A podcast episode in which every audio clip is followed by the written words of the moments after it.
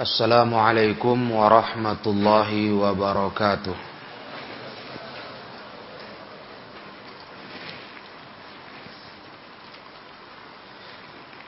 Innal hamdalillah nasta'inuhu wa nastaghfiruh billahi min shururi anfusina wa min a'malina من يهده الله فلا مضل له ومن يضلل فلا هادي له أشهد أن لا إله إلا الله وحده لا شريك له وأشهد أن محمدا عبده ورسوله يا أيها الذين آمنوا اتقوا الله حق تقاته ولا تموتن إلا وأنتم مسلمون يا أيها الناس اتقوا ربكم الذي خلقكم من نفس واحدة وخلق منها زوجها وبث منهما رجالا كثيرا ونساء واتقوا الله الذي تساءلون به والأرحام إن الله كان عليكم رقيبا. يا أيها الذين آمنوا اتقوا الله وقولوا قولا سديدا. يصلح لكم أعمالكم ويغفر لكم ذنوبكم. ومن يطع الله ورسوله فقد فاز فوزا عظيما. فإن أصدق الحديث كتاب الله. وخير الهدى هدى محمد صلى الله عليه وسلم وشر الأمور محدثاتها فإن كل محدثة بدعة وكل بدعة ضلالة وكل ضلالة في النار أعاذني الله وإياكم جميعا من النار Amma ba'd. Alhamdulillah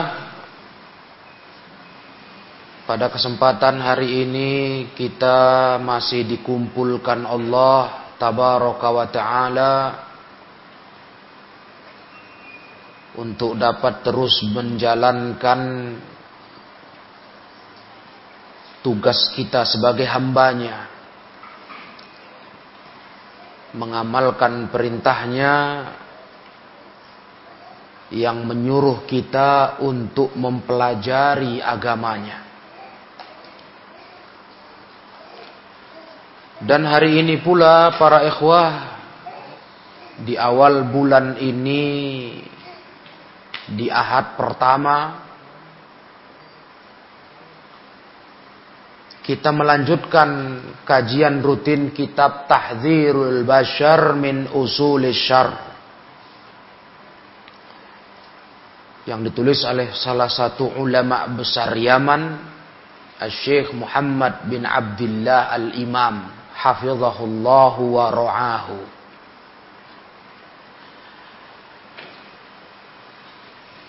Dari kajian rutin kitab ini kita sudah masuk insya Allah untuk kajian hari ini pada poin al-aslu at-tasi' was-sab'un.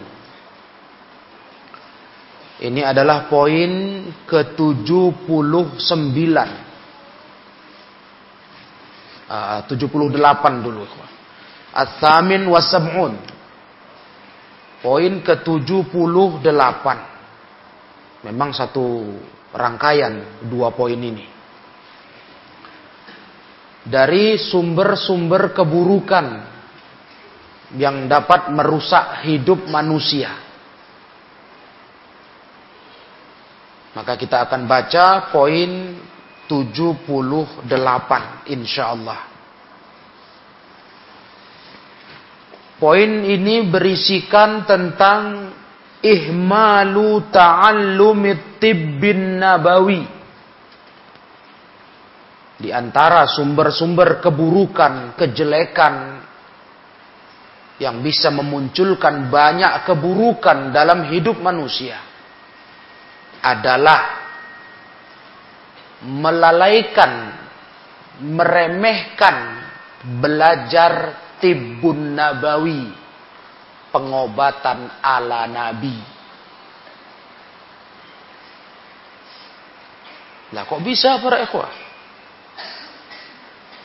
Ketika seorang muslim, umat Islam meremehkan belajar tibbun nabawi, dia akan jatuh ke jurang kerusakan-kerusakan lainnya. Tibbun nabawi kita semua sama faham. Itu adalah pengobatan ala nabi. Pengobatan yang Nabi Shallallahu Alaihi Wasallam memberi tuntunan kepada umat ini, baik dalam hal metode, cara-cara pengobatan, maupun sarananya. Dengan apa kita berobat? Itu tibun nabawi. Nah, ini tidak boleh diremehkan para ikhwah. Umat Islam tak boleh tidak tahu. Tak boleh abai dan lalai untuk mengenal tibun nabawi. Karena kalau umat Islam tidak tahu ini, tak mengerti tentang tibun nabawi, nggak berilmu, bergantung dengan pengobatan modern, pengobatan yang sumbernya dari kaum kufar saja ini akan membuat rusaknya manusia, rusaknya umat Islam. Kita lihat ulasan dari Syekh dalam poin ini.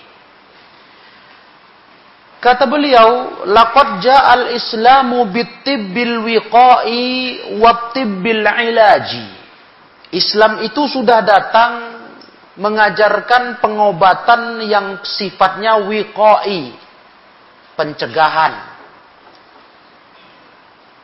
Itu pun pengobatan ya Ketika seseorang itu menjalani pencegahan dari penyakit.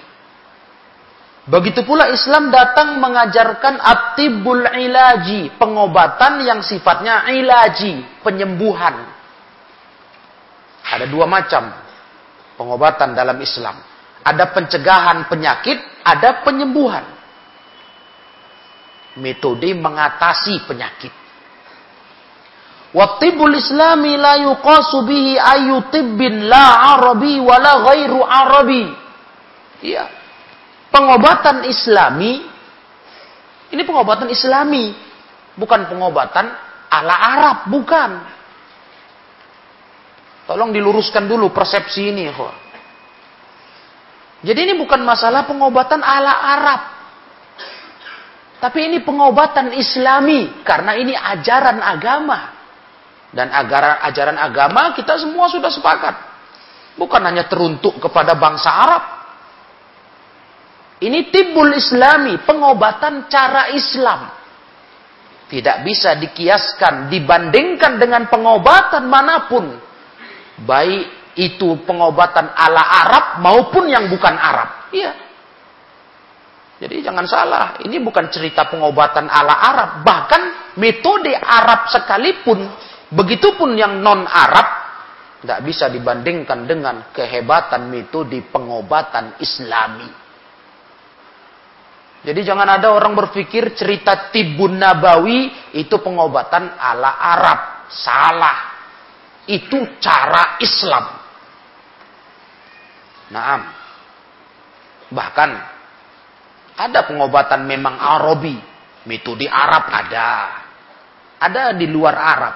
Tapi itu nggak bisa dibandingkan dengan keistimewaan atibul islami. Pengobatan cara Islam.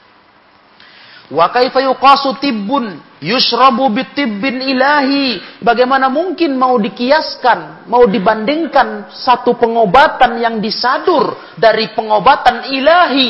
Ya. Tibbun nabawi, ikhwah, itu tib ilahi. Pengobatan ilahi dari Allah Ta'ala. Datangnya itu Metode ke Nabi, Nabi ajarkan ke kita, itu kan wahyu. Bukan uji coba dulu. Bukan Nabi itu pakar kesehatan. Bukan. Bukan ahli medis. Bukan pula beliau seorang yang faham laboratorium untuk mengetes, mencoba, meneliti. Tidak, ikhwah. Bahkan beliau ummi. Nabi Muhammad SAW buta huruf. Mau belajar apa? Jadi ini kata beliau, bagaimana mungkin mau dibandingkan pengobatan yang disadur dari pengobatan ilahi dengan pengobatan yang dibuat-buat manusia. Yang dari sumber eksperimen, percobaan, penelitian. Betul-betul produk manusia. Bagaimana mau dibandingkan? Itu dulu yang perlu dicamkan di hati kita. Jadi bayangkan ya kok, untuk dibandingkan pun nggak nggak tempatnya, nggak levelnya. Apalagi nauzubillah hari ini. Bahkan ada orang yang tidak percaya keampuhan timbun nabawi. Nah, inilah payahnya. Betul-betul sudah dirusak pemikirannya dengan rasa percaya yang sangat luar biasa kepada pengobatan-pengobatan modern saja.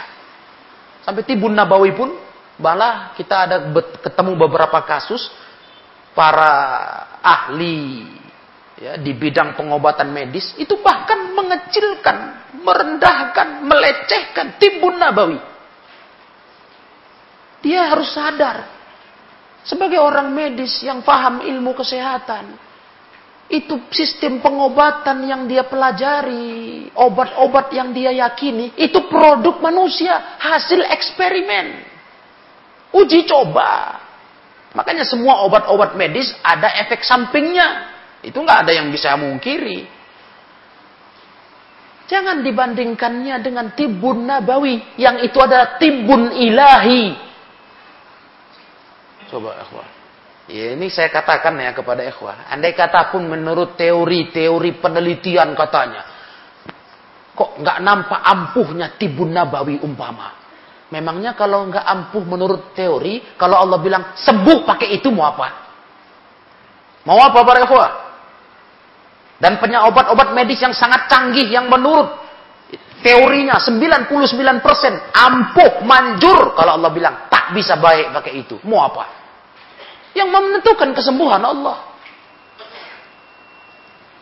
Ini salah satu yang harus diobati dalam pola pikir kita yang sudah menyala. Iya. Kita bukan mengharamkan pengobatan modern. Tidak. Ulama pun tak pernah mengharamkan. Bahkan ulama menjalani pengobatan itu ketika sakit. Namun bukan berarti tibun nabawi, tibun ilahi dicampakkan Terus ada keluar kalimat ketidakpercayaan akan keampuhannya. Nah, jangankan udah pakai obat, ikhwah. Nggak pakai obat pun kita bisa sembuh kalau Allah mau. Apalagi pakai obat. Ya kan? Yang obat itu mungkin secara ilmu medisnya diteliti dalam lab. Oh, nggak nampak keampuhannya untuk menangani penyakit kalau Allah bilang sembuh dengan itu, bagaimana? Percaya tidak? Yakin tidak? Nah inilah yang harus disadari. Kita akui ya, Mungkin kita hidup di era didikan untuk sangat percaya buta, bahkan bergantung kepada pengobatan modern. Tapi mengapa kita abaikan tibun nabawi? Sampai ada yang mengecilkannya tadi, saya katakan. Ada yang merendahkannya. Ada yang nggak percaya, nggak bisa. Malah ada yang melarang, jangan. Itu menurut teori medis nggak baik itu. Nah, ini kan kerusakan menimpa umat Islam. Sedangkan itu tibbul islami. Cara pengobatan Islam yang datangnya dari Allah ke Rasulullah. Rasulullah mengajarkan kepada umat ini sistem pengobatan Islami itu. Wa kaifa alladhi uh, Wa kaifa yuqasu tibbul muzakka bin nubuwati bitibbil ladzi huwa min babit tajarub al-fardiyah al-bashariyah. Iya, kata Syekh. Bagaimana mungkin mau dikiaskan pengobatan yang sudah direkomendasi dengan kenabian Rasulullah, pengobatan yang sudah dijamin baiknya dari Allah dengan sistem pengobatan yang itu dari sisi tajarub, uji coba. Sumbernya kan uji coba. Dari mana nggak uji coba, ikhwah? Semua pengobatan-pengobatan modern ini. Jenis-jenis obatnya. Itu kan uji coba. Masuk laboratorium dulu. Makanya ada badan pemeriksa obat-obatan. Bisa nggak diedarkan? Aman tidak? Iya, udah dicoba belum? efeknya, dampaknya, akibatnya, ha? ampuhnya berapa persen untuk mampu mencegah penyakit, membunuh virus dan sebagainya. Kan begitu. Itu kan tajarub al-fardiyah, al-basyariyah. Iya, itu coba uji coba yang sifatnya manusia saja yang buat. Secanggih-canggihnya, secanggih-canggihnya para pakar-pakar melahirkan sebuah obat di era modern ini tidak lain itu uji coba kerja tangan manusia. Jangan jangan lupa sadar kita, itu uji coba semua. Bagaimana mungkin dibandingkan dengan tibbun nabawi? Pengobatan yang dari Allah Ta'ala yang kemudian disampaikan Nabi dengan kenabiannya kepada umat manusia. Jadi Masya Allah para ikhwah. Cara pikir ini, kalau ikhwah simak baik-baik, saya yakin kita sadar, iya ya. Kok kita selama ini sudah agak terjebak lah setidaknya. Kalau dibilang sudah masuk terlalu dalam. Agak terjebak dengan pola pikir kurang percaya dengan tibun nabawi. Tidak yakin.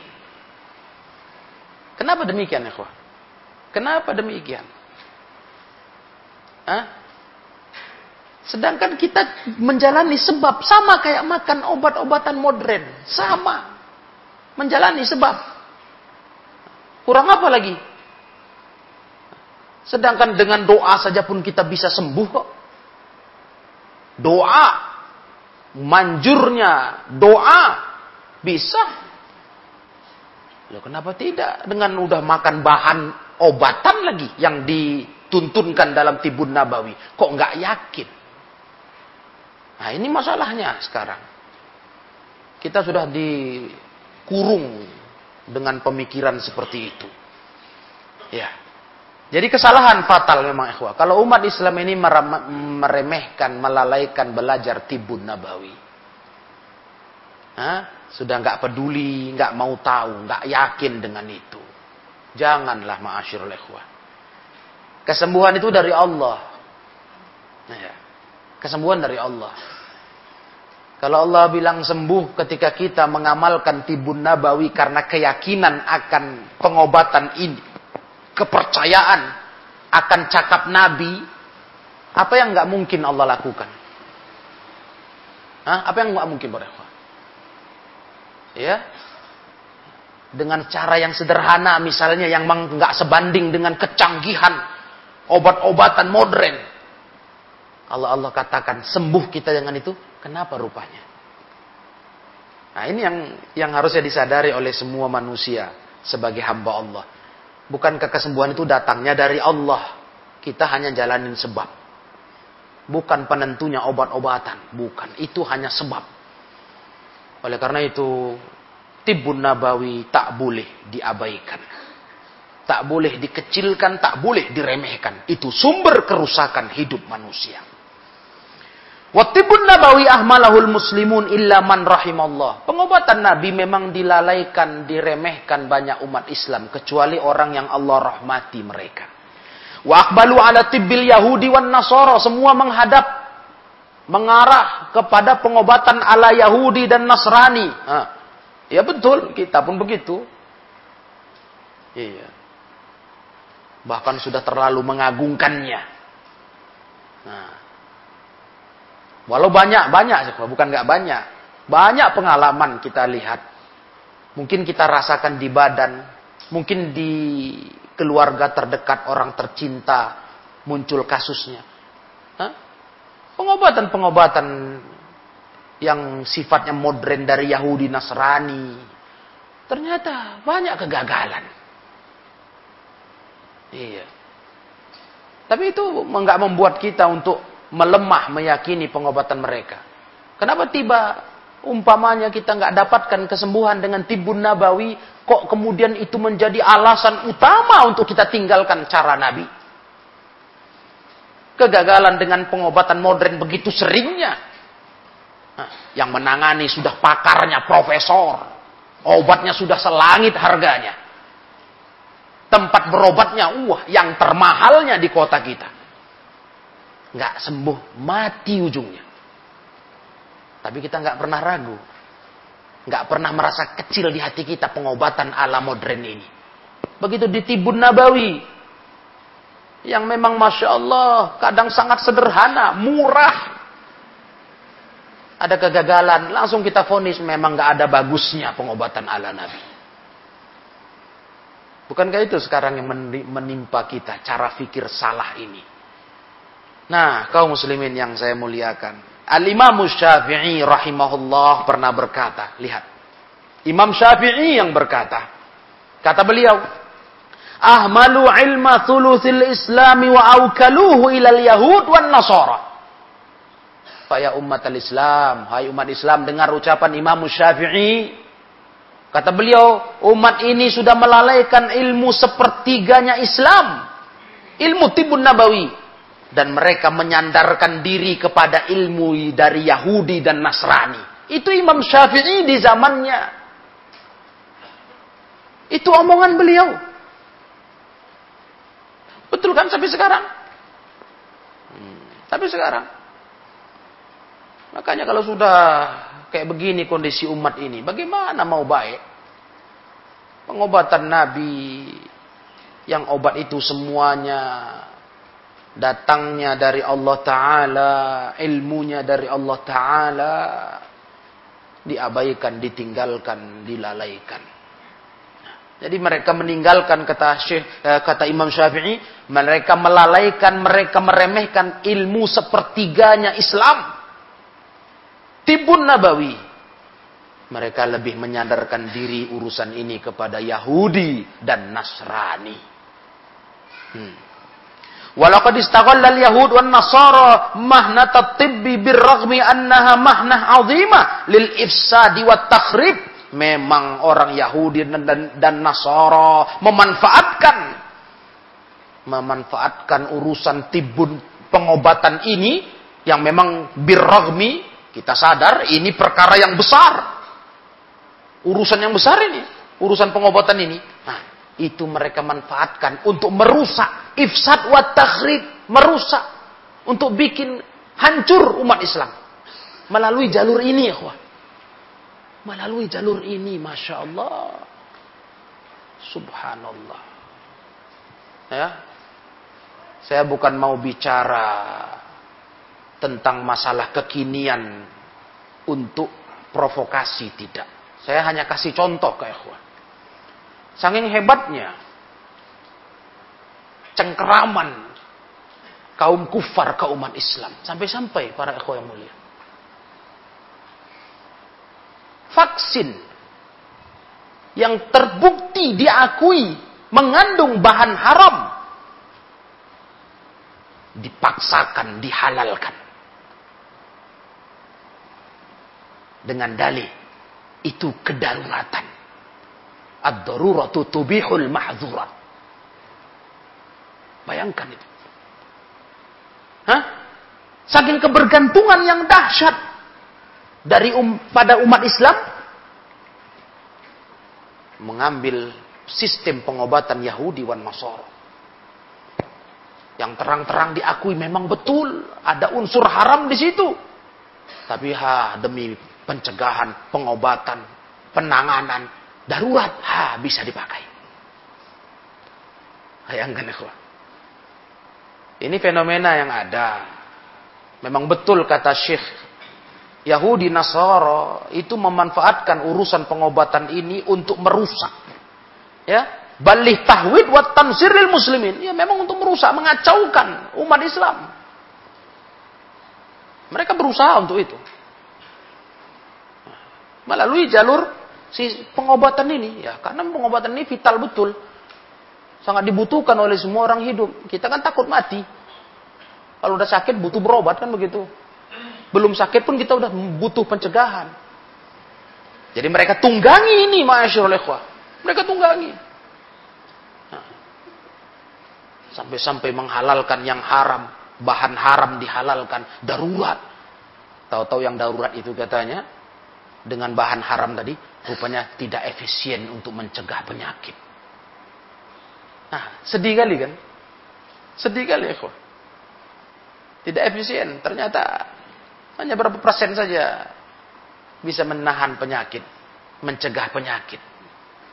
Nah, tapi sudah diumumkan umat Islam boleh menggunakannya, boleh memakainya. Nah, luar biasa memang. Jemaah, ikhwan yang, yang saya muliakan. Khususan fi asrina hada. Khususnya di zaman sekarang kata Syekh. Betul, di zaman kita hidup ini. Walaqad balagha hikdun nasara wa muharabatuhum lima fihi naf'un lil muslimina haddan la tutasawwar. Sungguh telah sampai kedengkian Nasra, Nasran, Nasrani, kaum Nasoro dan peperangan mereka terhadap perkara yang bermanfaat untuk umat Islam. Mereka memerangi yang bikin umat Islam itu uh, rugi, yang bermanfaat mereka usahakan tidak didapat umat Islam itu sampai batasan yang tidak bisa tergambarkan kedengkian Nasara kepada umat Islam. Ini yang beliau yakini, beliau teliti, beliau rasakan di umat Islam ini. Kedengkian Nasara ya, terhadap perkara-perkara yang menguntungkan umat Islam, dengki mereka, berusaha nggak dapat lagi umat Islam keuntungan itu. Itu begitu besar usaha memeranginya. Ada satu kasus, satu contoh. Faqad dzakara sahibu kitab Sirrun Hilalil Ummatil Arabiyah wa wahnul mus wa wahnul muslimin. Wahnul muslimin. Ada penulis kitab seorang penulis kitab. Judul kitabnya adalah rahasia keruntuhan umat Arab dan lemahnya umat Islam. Itu judul kitabnya Ya, judul kitabnya Sirrun Hilalil Ummatil Arabiyah wa Wahnul Muslimin. Kalau terjemahannya tadi, rahasia runtuhnya umat Arab dan lemahnya umat Islam. Penulis menulis di halaman 276. Qala wa huwa yatahaddath an ruju'ihim minal haji. Dia cerita tentang pengalaman pulang haji. Si penulis ini cerita waktu berangkat haji, ah, waktu pulang haji, wa an wujudi tabibin nasrani yu'alijul hujjaj al-qadimina minal bahri. Waktu pulang haji, itu ada kejadian seorang dokter Nasrani bertugas sebagai yang mengobati jemaah haji yang baru pulang datang melalui jalur laut. Si dokter Nasrani ini bertugas menyambut jemaah haji yang datang pulang haji. Wa kuntu ara at-tabiba yabzul juhdahu fit taharri ala ma'i zamzam. Kata penulis kitab ini, aku melihat aku melihat langsung ini dokter dokter Nasrani itu betul-betul serius sungguh-sungguh untuk mencari-cari air zam-zam dari bawaan jamaah haji. Aku lihat itu, kata beliau, kata penulis kitab ini. Faidah wajadahu. Kalau dapat dia air zam-zam itu, karena nampak gerak-geriknya mencari-cari tentengan jemaah haji. Yang dia cari zam-zam. Dan kau harus tahu, zam-zam itu salah satu pengobatan Nabi yang sangat manjur. Air zam-zam. Nah begitu dia dapat, ada yang nampak, nampak dia ada yang bawa air zam-zam, Kemudian romahu fil bahri, diambilnya, dibuangnya ke laut. Itu aja lah tuh kerja dia. Di saat sedang mengurusi kesehatan jemaah haji yang baru pulang haji. Perhatikan akhwat. Jadi dia cari-cari air zam-zam itu. Nampaknya ada yang bawa zam-zam diambilnya, dibuangnya ke laut. La adri hal yarahu najasan mudirran. Aku tidak tahu kata penulis. Apakah dia memandang itu air najis, itu air memberikan penyakit, membahayakan? Hah? Am annahu muwakkal ilaihi tanfidhu hadzal amri atau memang dia ditugaskan Mungkin faktor pertama dia merasa itu air zam-zam najis, membahayakan, mudir, atau mungkin dia memang ditugaskan ngerjain itu. Mungkin jadi itu kata penulis. Kaila ya'til hujjaju bi atharin minal hijaz. Supaya jemaah haji jangan sampai pulang haji membawa oleh-oleh dari hijaz.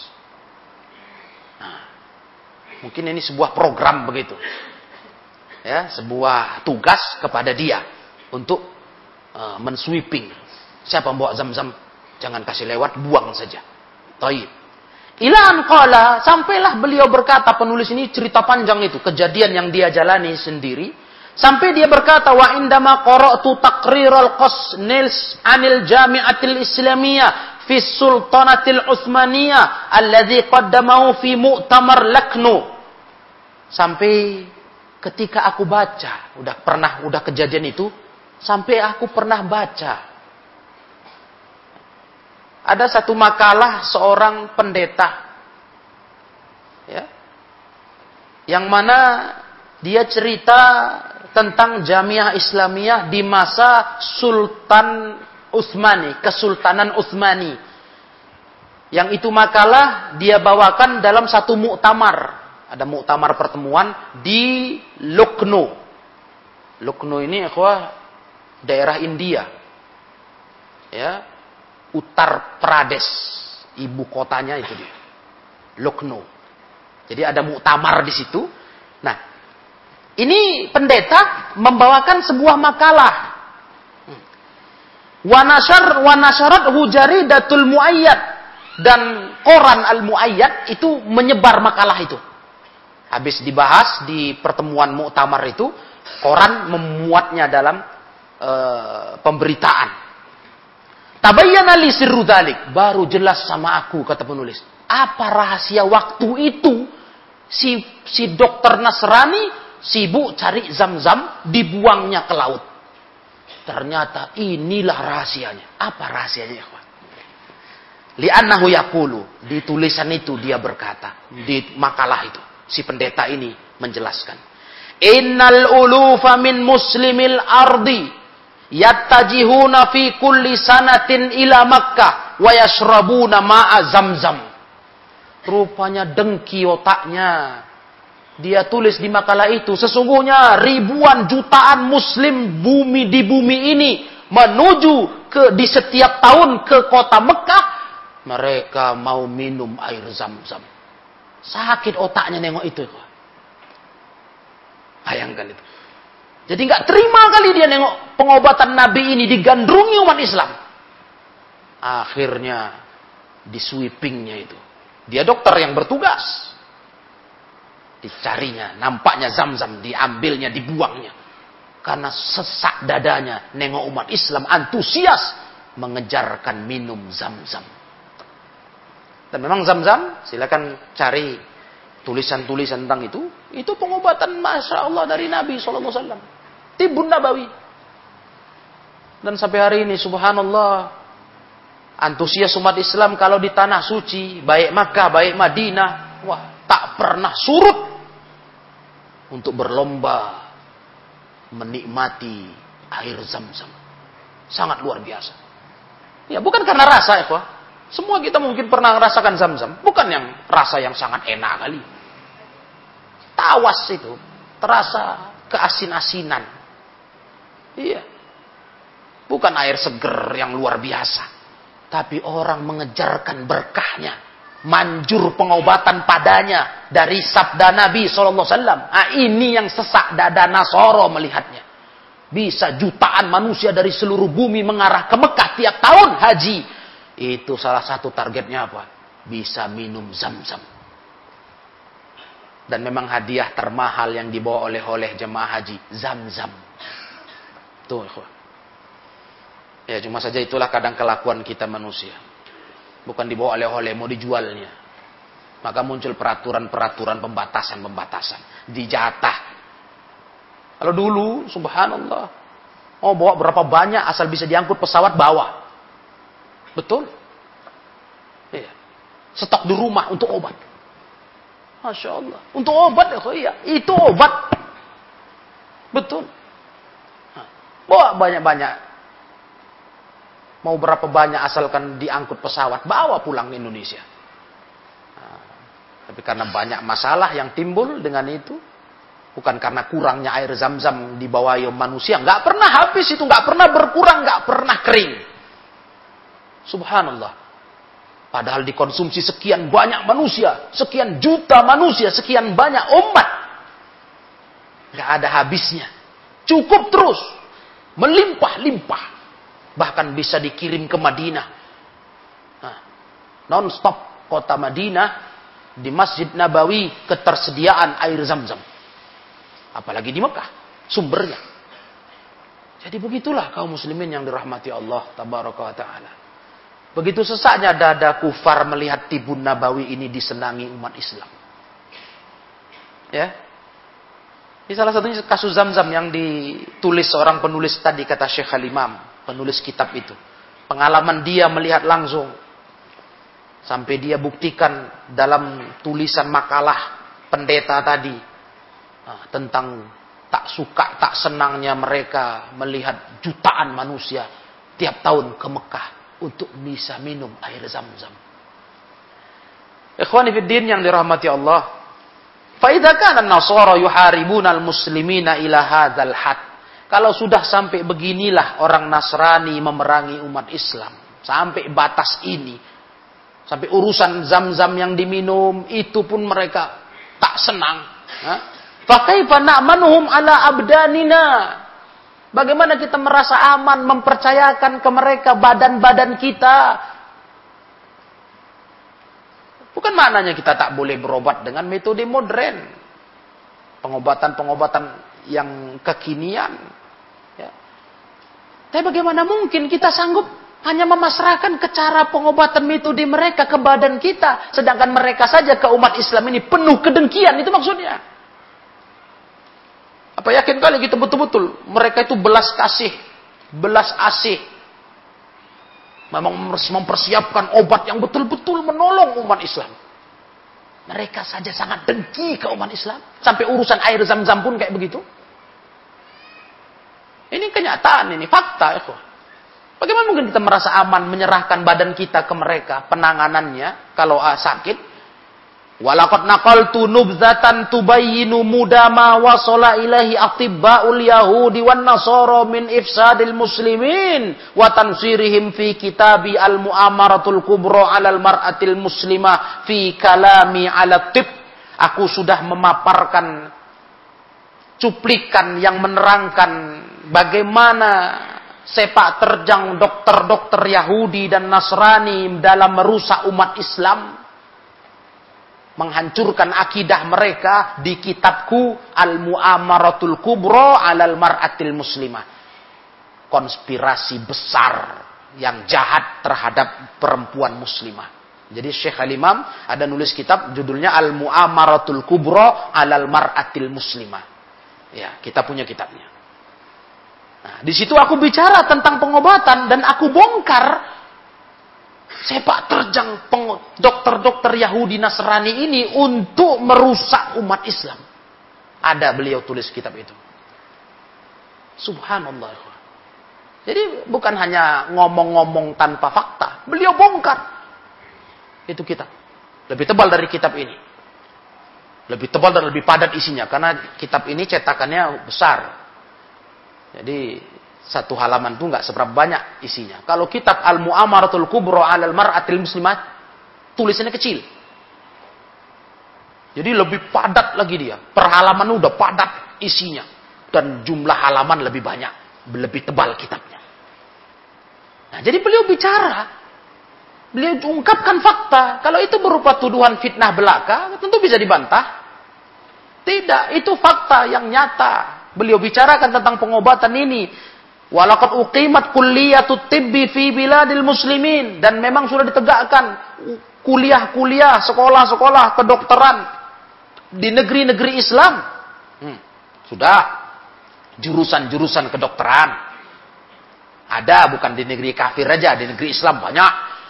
Indonesia banyak. Wa takharraja katsirun min abna watakharraja min abna'il muslimina atibba dan meluluskan keluar lulus banyak daripada anak-anak kaum muslimin jadi dokter-dokter. Iya. Lulus dari kuliah jadi dokter. Banyak sudah ya, dokter-dokter muslim banyak. Wa hadza khairun fi haddi. Ini baik betul. Secara uh, hasil lulusnya anak-anak umat Islam jadi dokter, ini baik. Kita nggak pungkiri. Alhamdulillah, banyak dokter-dokter muslim di tengah-tengah kita. Kan begitu. Illa hanya saja. Nah, ini yang jadi catatan. Bukan kita terus mengatakan nggak baik itu. Baiklah. Alhamdulillah syukur ke Allah. Ada jalan kita untuk jangan tersentuh kita dengan dengan tangan-tangan dokter kafir yang muslim banyak. Kan begitu. Syukur itu baik kata Syekh. Tapi anna hadza ghairu kafin ini saja nggak cukup. Kenapa nggak cukup? Walaysa huwa bil ilaji li ma'asa. Ini bukanlah obat. Bukanlah obat untuk tragedi kerusakan yang ditimbulkan oleh Nasrani dan Yahudi. Ini bukanlah solusinya. Mungkin dari satu sisi iya, baguslah. Tapi belum cukup itu. Kalau hanya anak muslimin dididik sekolah, kuliah kedokteran, lulus jadi dokter. Satu sisi udah bagus itu. Tapi belum cukup. Belum mampu untuk menjadi obat solusi dari tragedi.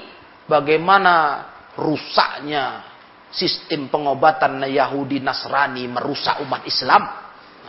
Id, kenapa begitu? Anna katsiran min abna'il muslimina saru atibba innama talaqqau tibba ala aidin nasara. Karena banyak anak-anak umat Islam yang mereka jadi para dokter-dokter itu, mereka mengambil ilmu kedokterannya, ilmu pengobatannya dari tangan-tangan guru-guru Nasrani.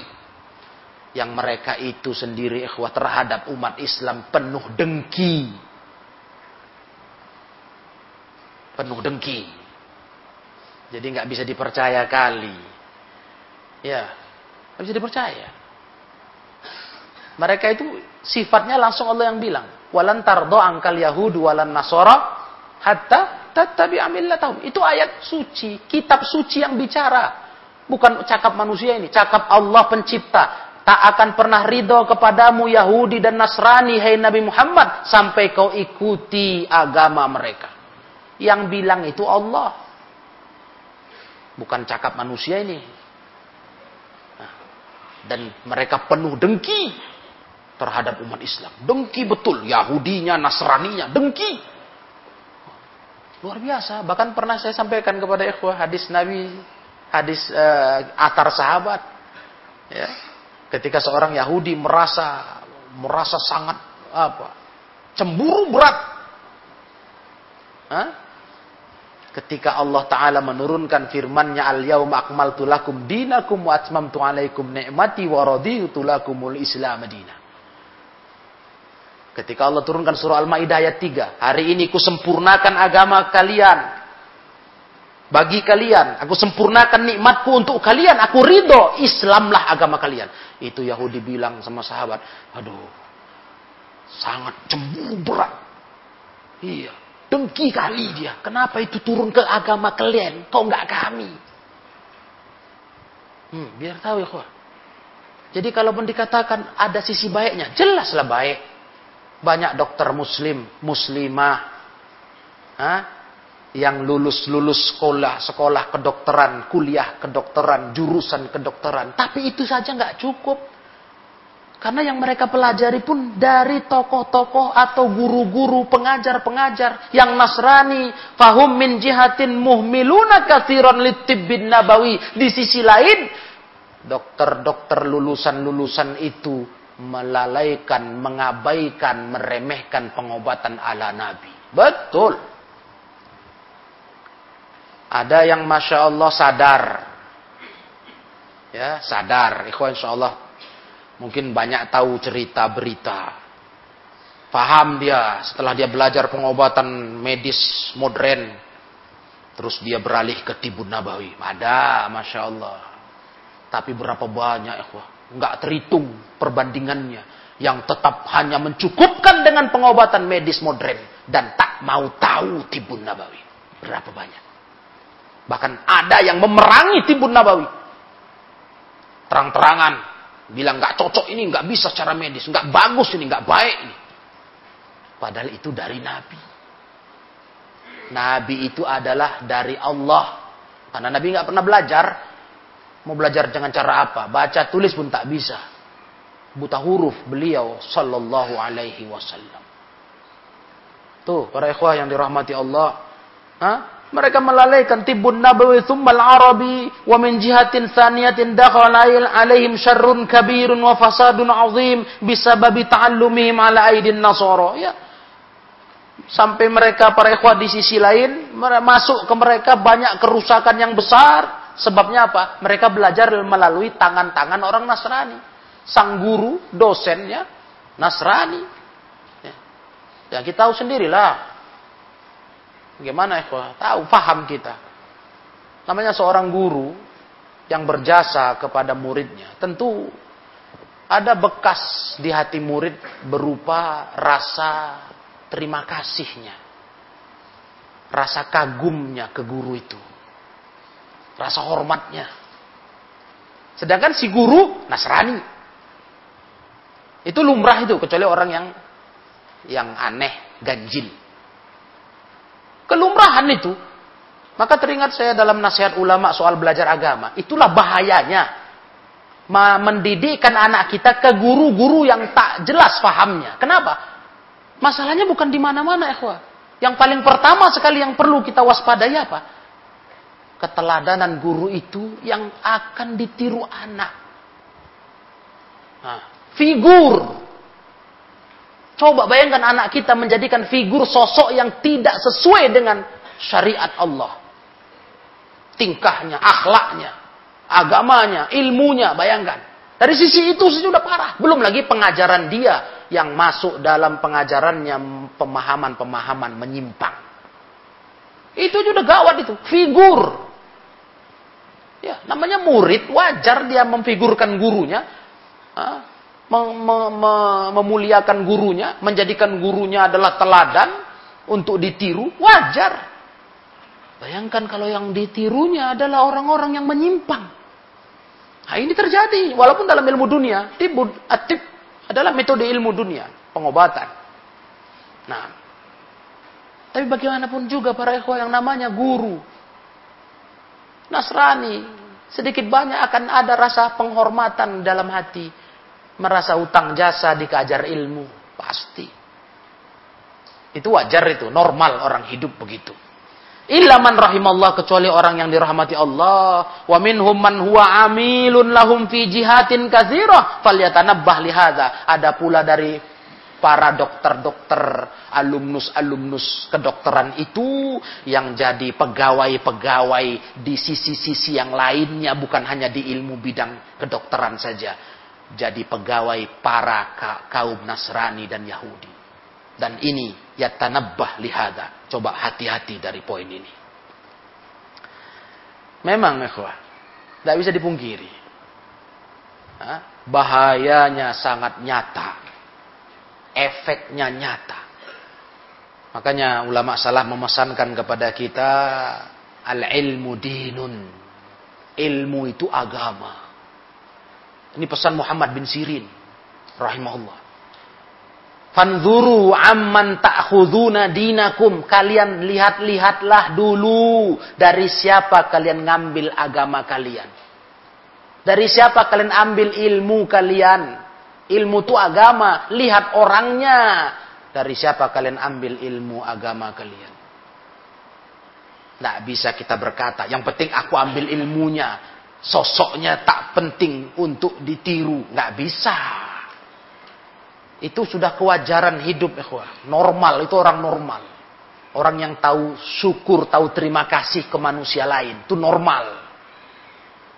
Nah, sedikit banyak ada rasa besar di hati kita memandang dia. Namanya guru, pengajar.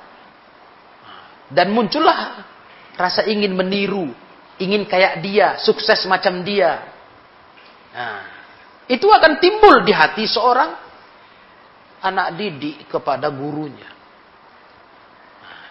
Akhirnya karena udah begitu, tiba nanti ada satu masalah yang dia ditugaskan, padahal bukan di bidang itu, dilibatkan oleh gurunya, dosennya, pembimbingnya, dia pun ikut. Maka kata Syekh, "Mu'minhum man amilun lahum." Jadi pegawai mereka, pesuruh mereka, wal billah. Para jemaah yang dirahmati Allah. Wa inni la ad'u, maka kata Syekh, di sini saya mengajak saya mengajak manis tato aminal muslimin ayyata'allama tibban nabawi. Siapa yang sanggup dari umat Islam ini belajarlah tibbun nabawi. Saya mengajak kata beliau. Ya, belajarlah tibbun nabawi. Diseru beliau. Karena memang untuk belajar ini nggak semua waktu ada, nggak semua orang bisa. Ya bagi yang memang ada potensi untuk itu, belajarlah kata beliau. Wa yakumu bihi ala wajhil matlubi syar'an. Dia tegakkan sesuai dengan syariat yang benar dalam hal ilmu tibun nabawi. Ayo. Beliau seru, beliau ajak umat Islam. Siapa yang punya kemampuan untuk itu. Ma'al ilmi anna ahlal hadis qad khadamu tibban nabawi khidmatan azimah min jihati ta'lif wa syuruh wa tashih wa tad'ib Bersamaan harus kita tahu, para ahlul hadis telah memberikan pelayanan terhadap metode tibun nabawi dengan pelayanan yang besar. Jangan salah, ikhwah. Ahlul hadis, ulama-ulama itu memberikan perhatian yang sangat besar untuk melayani ilmu tibun nabawi berupa menjihati taklif di karang tulisan-tulisan. Iya? Nah, dianya nggak dokter, nggak tabib tapi menulis tentang hadis-hadis tibun nabawi ya mensyarahnya mensohikannya yang sohi mendoifkannya mana yang doif Hah. artinya sarana untuk itu tersedia ya, tersedia ulama udah terjun ahli hadis memberikan andil yang serius demi tegaknya ilmu ini di masyarakat Li'annahu juz'un min dinillah karena ini bagian dari agama Allah. Wa minal hadin nabawi termasuk tuntunan Nabi, sunnah Nabi sallallahu alaihi wasallam. Illa annahum lam yutabbiqu hanya saja mereka belum sanggup menerapkannya untuk menjadi dokter. Waktu kadang keterbatasan ada. Ya, karena memang kita ini orang lemah, nggak semua bisa kita tangani. Mungkin mengumpulkan hadis-hadis tentang tibun nabawi mereka sanggup ulama-ulama itu. Tapi untuk betul-betul mendalami sistem itu mereka nggak sanggup. Nah, makanya yang mampu kan beliau bilang tadi siapa mampu ada potensi ke situ dalamilah pelajarilah cara pengobatan Nabi ini. Ad'u ashabal buhusin nafi'ai wallu hadzal ilm al-azim ihtimaman dan aku menyeru kepada para ahli, para pembahas yang bermanfaat yang peneliti-peneliti hendaklah mereka betul-betul memperhatikan ilmu ini dengan perhatian yang serius. Nah, yang punya potensi lah untuk itu, ikhwah. Wa ayyaftahul kulliyat litadrisi bi amanah intayassara dzalik. Hendaklah mereka membuka kuliah-kuliah pendidikan-pendidikan untuk mengajarkan ilmu itu dengan sesuai amanahnya kalau memang itu gampang baginya. Sampai beliau menyeru ke situ bagi yang punya potensi. Coba dalami, pelajari, habis itu buka sekolahnya. Buka sekolah, didik umat Islam untuk belajar ini. Kalau memang dia mampu untuk berbuat seperti itu. Antorikil jihadil hukumiyah au ghairil hukumiyah wallahul musta'an. Baik dengan jalur hukumiyah, yakni standar negara, melibatkan negara yang mendukung ataupun tidak. Ya, baik secara ya individual misalnya. Kalau memang ada yang punya kemampuan untuk mengembangkan ilmu ini mendalaminya sampai membuat pendidikan tentangnya sangat dianjurkan kata beliau agar maju ilmu ini tidak dilupakan umat Islam ayuhal ikhwah kaum muslimin yang dirahmati Allah jadi inilah dia hal yang sangat penting untuk disadari oleh umat Islam yang mungkin cukup lama dilupakan. Cukup lama didiamkan saja. Kita bukan berarti melarang pengobatan modern, tidak. Nggak ada ulama memfatwakan larangan itu. Cuma jangan sampai pengobatan-pengobatan kekinian ini membuat kita melupakan tibbun nabawi.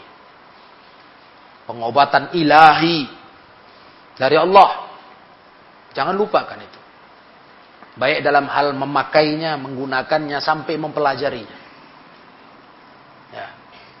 Jadi kita nggak terseret kepada kerusakan-kerusakan pemikiran yang mengecilkan metode ini. Merendahkan, nggak percaya. Ah, nggak yakin saya. Jangan begitu. Tidaknya niatkan saja ya Kalau kita mengkonsumsi tibun nabi, niatkan. Ini karena ini metode Nabi yang berpahala. Saya yakini. Dan ini adalah sebuah ajaran Allah kepada nabinya. Yang mana berkah. Jika saya mengamalkannya. Gitu. Ya. Bahkan cukup doa saja kadang. Sering malah bukan kadang. Doa. Zikir. Bisa jadi penyembuh penyakit. Hah. Apalagi udah kita makan lagi benda obatnya. Bagaimana mungkin kita ragu? Yang penting konsumsi saja kuah. Kalau kelas kita sekarang mengkonsumsi, ya konsumsi saja. Bismillah. Ini yang diajarkan Nabi. Ku pakai, ku makan, ku minum. Hah. Kan begitu. Gak merasa, lah, gak ada gunanya itu. Nggak ada efek. Astagfirullahaladzim. Ini udah sukses sekali memang. Program Yahudi Nasoro merusak umat Islam. Membuat kebergantungan yang dahsyat. Ya, yang ternyata la ilaha illallah.